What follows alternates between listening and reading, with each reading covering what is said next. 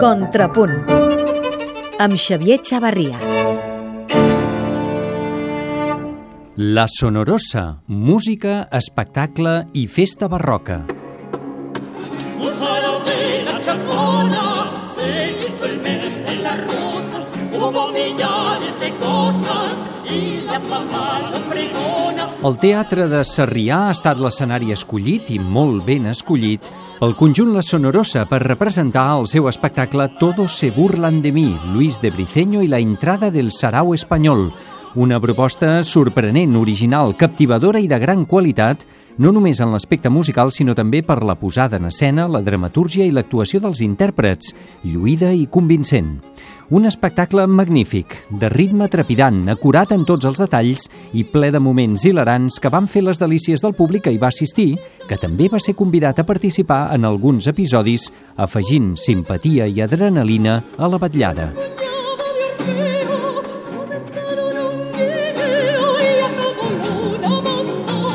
Y la fama lo pregona, la vida meditávola, vino vámonos a Chacona, vino vámonos a Chacona. La companyia La Sonorosa proposa noves maneres de reconstruir interpretar el repertori ibèric dels segles XVII i XVIII.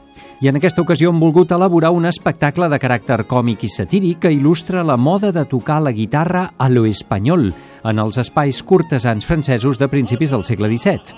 Luis de Briceño, guitarrista cèlebre a l'època, és el protagonista d'aquest espectacle. Briceño va escriure el Método muy facilísimo para aprender a tañer la guitarra a lo español, un tractat que es va publicar a París l'any 1626 i que va suposar una revolució en la manera de tocar, en els repertoris i en els gèneres. L'escena transcorre en un saló d'una dama espanyola anomenada Clara Niña, que viu a París. De sobte arriben una colla de músics de la seva terra ben armats d'instruments i encapçalats per don Luis de Briceño. Aleshores comença un autèntic duel, el sarau pròpiament, on les guitarres, la dansa, les cançons i la recitació de textos literaris i populars es van combinant en un remolí escènico-musical que evoca la rivalitat entre les maneres de tocar, els estils de fer música, recreant l'ambient i l'esperit musical de l'època. El manso Diego Moreno, el engañador Virreno, salió tras la tragamallas y la manda de cazalla. La decoració, el vestuari, fins i tot la gestualitat i la prosòdia estan cuidats fins al més mínim detall, donant com a resultat un producte musicalment impecable i alhora molt estimulant visualment. Pavanes, folies, seguidilles, morisques, villanos, sarabandes i xacones anaven desfilant en instrumentacions molt diverses i en la brillant interpretació de Stanislav Germain, Xavier Soler, Belisana Ruiz i Edwin García, que tocaven guitarres, llaüt i tiorba, amb el violinista Pavel Amilcar, que va aportar una gran dosi d'ironia i de seducció, i amb les danses elegants i exquisides de la ballarina Anna Romaní, en el paper de Sarabanda.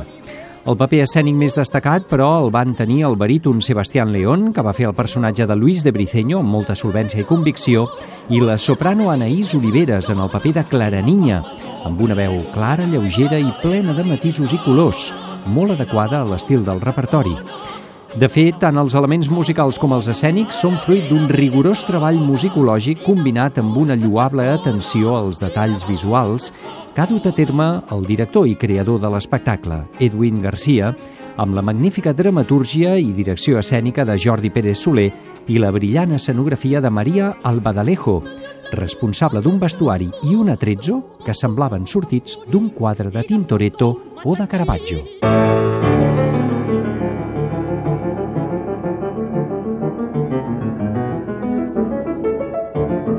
Contrapunt amb Xavier Xavarria.